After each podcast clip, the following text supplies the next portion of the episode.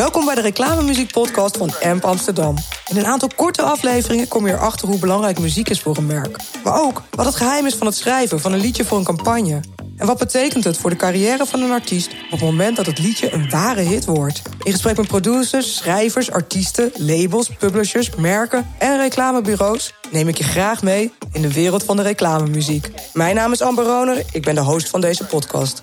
In twee afleveringen hoor je het gesprek met Lianne Vos, senior sync manager bij Universal Music Publishing Group, en Caroline Maatseriel, head of sync Benelux bij Sony Music Publishing. In het eerste deel vertellen zij alles over hun werk als matchmaker tussen auteurs, componisten en merken. En je hoort welke muziek zij in hun catalogie hebben, welke artiesten het goed doen op het gebied van sync en hoe oude muziek in een nieuw jasje een nieuwe doelgroep aan jouw merk kan verbinden.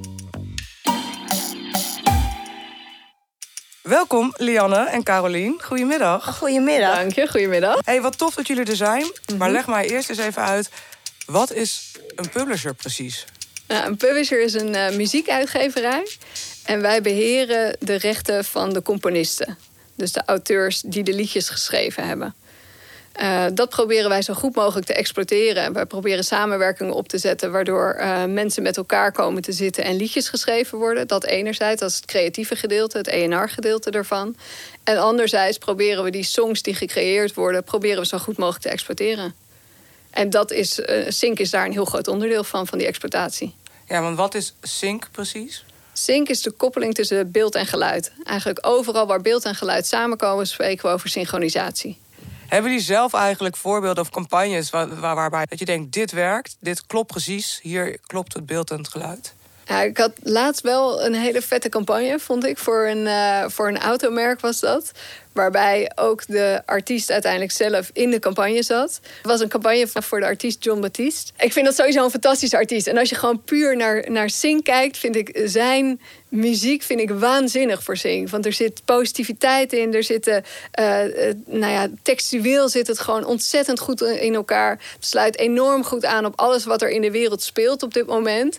Maar alles met een positieve noot. En als ik die campagne dus ook terugzie, hem dansend over straat, ja, vind ik gewoon ontzettend mooi. Hele mooie koppeling tussen, tussen zijn song en, eh, en het merk. Ja, zeker. Krachtig ook. Ja. Een hele uitstraling. Ja, Ja. prachtig. Ja. Ja. Kijk, nou, dat is de masterclass. We zijn klaar, hè? Ja, dat was hem. Dat was hem. Als je dat onthoudt. Nou, dat, eh, dat, dat kan ik inderdaad onthouden. Want je zei al terecht, ja, want je hebt een, een creatieve kant. Het, het, het, het, echt het songwriter gedeelte, de auteurs, de, de songwriters.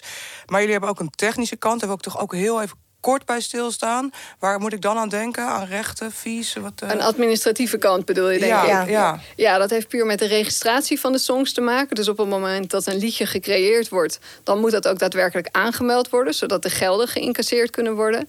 Nou ja, dat gebeurt allemaal door onze administratieve afdeling. Die melden de songs aan bij Buma Stemra, zodat de songs geregistreerd staan, zodat ze weten eh, wie de song geschreven heeft, wie welk aandeel in de song heeft.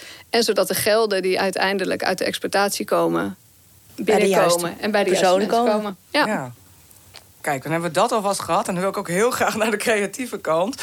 Hoe werken jullie samen met, met de songwriters en de auteurs om tot een liedje te komen? Een, een voorbeeld daarvan is bijvoorbeeld wat we hebben gedaan met eh, Shoot the Buck.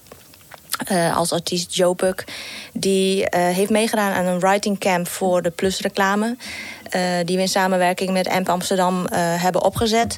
En wat je dan doet is dat je gaat kijken van welke schrijvers en, zouden bij elkaar kunnen gezet worden om tot een ja, een juist eh, liedje te komen voor jouw, eh, voor jouw project. En dat hoeft niet altijd degene te zijn die binnen jouw publishing zit.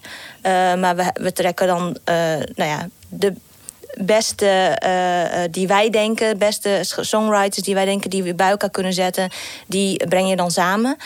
Want het gaat ook erom omdat je eh, songwriters met elkaar verbindt. Dus uiteindelijk faciliteren wij voor die songwriters projecten waar ze voor kunnen schrijven. Wat is hot op het moment?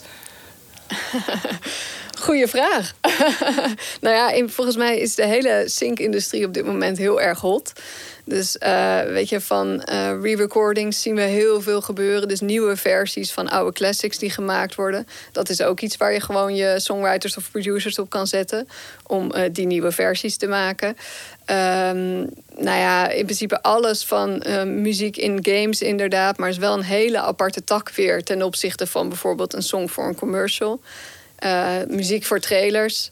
Ah, vergelijkbaar eigenlijk. Is ook echt een hele aparte uh, tak om daarvoor te schrijven. Uh, dus daar heb je ook bijvoorbeeld weer gespecialiseerde trailerhouses voor.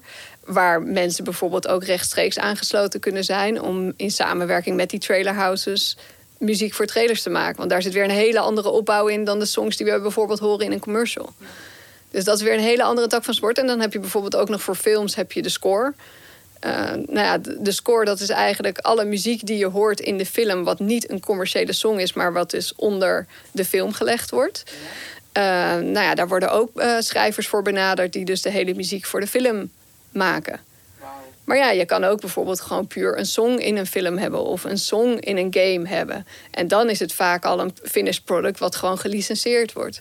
Dus dan heb je vaak een, uh, een game uh, producer of een uh, filmproducent die vraagt of zij de rechten mogen licenseren.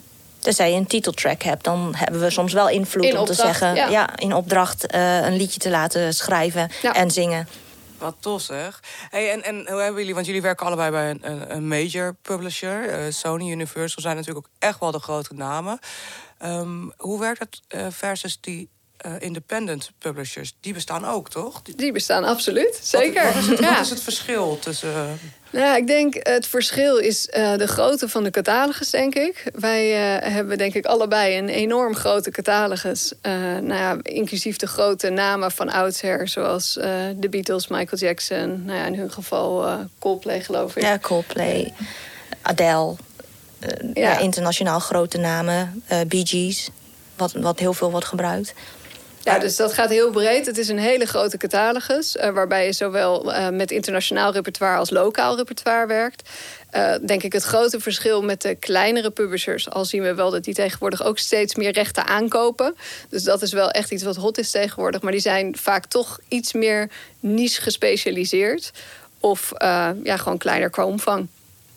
Alleen het voordeel, denk ik, van een major is dat je zo'n grote catalogus hebt. Dat je in principe voor elke briefing die je binnen zou krijgen, zou je iets binnen je catalogus moeten hebben. En ook binnen elke prijscategorie. Kijk. Kijk, als mensen Beatles geld hebben, dan kan dat. Dan kunnen we dat zeker faciliteren. op het moment dat ze relatief kleine budgetten hebben, dan werken we ook met heel veel nieuwe artiesten en uh, nieuwe schrijvers. Waarbij wij ook voor lagere budgetten dingen kunnen kleren. Wat, wat zo'n catalogus? Want je hebt, je hebt hele grote, je zegt al de Beatles, wat veel wordt aangevraagd. Ja, met name Queen. Dat is echt ja, uh, Queen wordt, ja. de grootste zing-catalogus volgens mij op dit moment. Echt? ja. En welke, welke dan? Nou ja, alles. Van Bohemian, Bohemian Rhapsody, Rhapsody, Don't Stop Me Now. En, en, en in welke, waar wordt het gebruikt? Nou ja, waar niet kun je denk ik beter vragen. Ja? Ja, Queen wordt gewoon door alle grote merken nog steeds heel veel ingezet. Maar dan ben je dus heel blij dat je die in je catalogus hebt, toch? Ja, dat zijn we ook. Ja. Maar wat prima catalogus om te hebben. Ja, maar wat is dan zeg maar dat het, dat het een soort van tijdloos is? Of dat het ineens weer dan veel wordt aangevraagd? Hoe kan ik denk met name textueel dat Queen heel sterk is. Kijk, teksten zoals uh, Don't Stop Me Now of We Are The Champions. Ja, dat, dat zijn gewoon teksten die, uh, die een bepaalde emotie uh, teweeg brengen. Dus ik denk textueel dat zij heel sterk zijn. Um, wat zij ook heel goed hebben gedaan is met de film Bohemian Rhapsody... hebben ze een enorme goede revival weer gekregen. En is die catalogus gewoon weer enorm in de lift gekomen begrijp dat ze ergens, geloof ik, uh, top 30 of zo in, uh, in, op Spotify nog steeds zijn. Een van de grootste catalogus uh, bands op Spotify ook op dit moment. Dus ja, ja, dat is enorm. En ze komen ook altijd weer in de lijstjes terug natuurlijk. Absoluut. Altijd. Ja, in alle lijstjes, ja. Eindejaarslijstjes. Nou ja, precies. Ja, toch. Hè? Dat, ja. 2000, dat soort dingen ook inderdaad. Ja. Maar dan moet ik wel zeggen, als we het gewoon puur over catalogus hebben... dan denk ik ook dat, uh, zeker in Nederland... 90% van wat wij licenseren zijn eigenlijk catalogustracks. Dus uh, als je kijkt naar trends, dan is eigenlijk continu de tendens... dat er teruggegrepen wordt naar bekende copyrights uh, uit het verleden. Dus, uh, wij... Die worden dan heropgenomen, in een nieuw jasje gestoken voor een hedendaagse commercial of filmscène of de trailer. Ja, ja met name voor commercials zien we echt dat uh, het grootste repertoire wat gebruikt wordt, zijn eigenlijk catalogus songs. Dus tracks uit de Motown catalogus, Queen inderdaad, de Beatles. Uh, dat zorgt toch voor een bepaalde herkenbaarheid, denk ik, bij een heel groot publiek. En op het moment dat jij die koppeling dus maakt met een merk, denk ik dat dat voor een merk gewoon een heel breed publiek aanspreekt. En dat dat vaak toch de keuze weer is voor zo'n song. Dan zeg ik misschien iets heel raars maar. En misschien is dat een beetje mijn, uh, mijn wensmuziek of mijn wensgedachte. Dat ik denk, ja, maar dat, dat is heel fijn. Maar we hebben zoveel goede nieuwe schrijvers. Zoveel goede nieuwe muziek wat er gemaakt wordt. Alles wat er ook na Queen en de Beatles kwam. Um, hoezo, hoezo grijpen we nog steeds terug naar het verleden? Het, klinkt niet heel vernieuwend, zeg maar. Nee, maar ik denk als je naar de zinkindustrie kijkt... dat het over het algemeen ook lang niet altijd vernieuwend is. Als je naar merken kijkt, ja, die, die willen toch een bepaalde basis... en een bepaalde doelgroep aanspreken. En als jij een grote doelgroep aan wilt spreken... Ja, dan kom je al uh, snel bij een hele veilige keuze terecht. En dat zorgt er denk ik voor dat er vaak uh, teruggegrepen wordt naar deze bekende songs. En dat is ook Er zijn wel merken die vooruitstrevend zijn. Hè? ja. Er zijn ook andere merken zoals Google of Nike of Adidas... die wel wat meer innovatief zijn en ook wel eens uh, een uitstapje durven te, durven te maken naar wat, uh, wat nieuwere artiesten. Ja, kan je, kan je, kunnen jullie een voorbeeld geven inderdaad waar je zelf aan hebt gewerkt? Je dacht, hè, lekker, ik mag wat nieuws, nieuws op tafel brengen bij... Uh, ja, er zijn denk ik meerdere ah. voorbeelden. Van, met catalogus dingen eigenlijk. Nou, als ik puur recent kijk, hebben wij een uh, hele toffe campagne voor Adidas gedaan met Beyoncé. Maar ja, het is wel weer een van de grote namen. Kijk, het is niet een beginnende artiest. Het is wel iemand die, die qua naam gewoon staat. En dat zorgt er denk ik ook weer voor dat je een breed publiek aan kan spreken. Het is de herkenbaarheid wat mensen ook. Uh, het was wel een, een, een, relatief onbekende song. En, uh, en gewoon wel een artiest van nu. Dus dat was wel heel tof uh, om dat ook weer een keer te zien. En dat is natuurlijk ook heel gaaf. En je, waarschijnlijk weten jullie als geen ander... inmiddels kun je slapen, want als er een briefing binnenkomt... dat je denkt, oh, die artiest heb ik in catalogus, die past erbij. Mm Maar is het niet veel spannender om inderdaad op zoek te gaan... naar die match en die nieuwe muziek...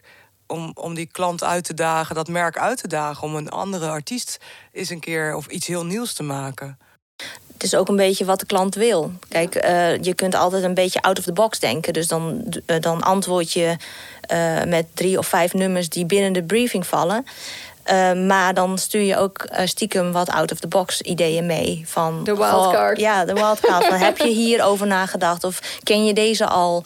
En we proberen natuurlijk tussendoor ook al onze uh, relaties te voeden met nieuwe muziek. Van dat ze op de hoogte zijn van wat er uitkomt. En uh, je moet ook niet alles sturen. Gewoon eh, specifiek sturen van er komt een nieuwe track uit die normaal gesproken valt binnen een bepaald merk. Of je weet dat je klant vaak naar dat soort genres terug gaat of zoekt.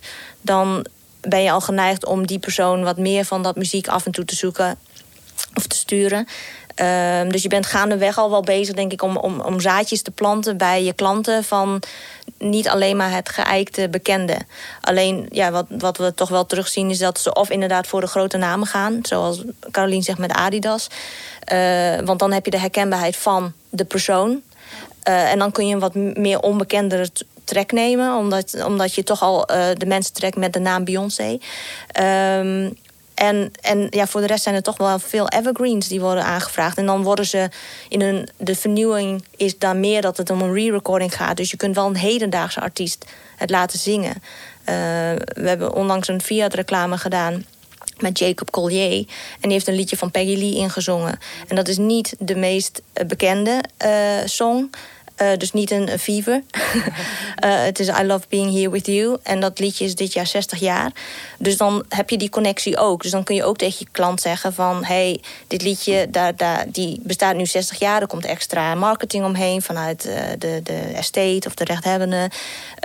misschien is het een idee om eens naar dit liedje te luisteren. En omdat je dan een re-recording neemt met een nieuwe artiest pak je ook weer de, de fans van, dat nieuw, van die nieuwe artiest... En, en breid je zo ook meer die bekendbaarheid uit. En als je kijkt naar, naar Peggy Lee Fever... wat dan in uh, The Queen's Gambit uh, is geweest... dat heeft zo'n impuls gegeven dat zelfs dan Billie Eilish erover over post. En, ehm, dus het is niet alleen maar dat je denkt van nou waarom pak ze nou zo'n oud nummer, want je, ja, je blijft dan heel beperkt. Dat, dat is dus niet zo. Dat, het kan echt wel uh, veel uitgebreider worden, zeg maar, qua fans en, uh, en, bereik. En eigenlijk met die re-recording zorg je er dan ook weer voor dat er weer een nieuwe doelgroep het oude nummer en, en een nieuwe, ja, nieuwe doelgroep het oude nummer weer ook iets heel moois ja, gaat vinden en waarderen. Ja. ja, wat ook een heel mooi voorbeeld daarvan is, denk ik, was uh, een serie Beatbox. Dat was op, uh, op Netflix. En die gebruikte eigenlijk allemaal een soort van nieuwe versies, maar een soort voor kinderdoelgroep, want het was een kinderprogramma, uh, van de Beatles bijvoorbeeld en van Motown. Nou, dat zorgde er weer voor dat die liedjes bij een hele andere doelgroep uh, bekend werden. Dus in één keer zag je kinderen ook meezingen en de Beatles zingen. Dat je dacht, hoe kom je daaraan? Ja, gehoord bij Beatbox. Wat grappig. en dat is uh, mooi om binnen je catalogus continu te blijven kijken naar nieuwe exploitatievormen. Om catalogie ook weer onder de aandacht te brengen bij een uh, nieuwe doelgroep. Ja. En vanuit jullie uh, vakgebied, hè, wat, hoe, uh, hoe belangrijk is muziek voor merken? Ja, ik denk heel belangrijk. Ja. Kijk, de meeste, de meeste merken zien echt wel de waarde in van muziek.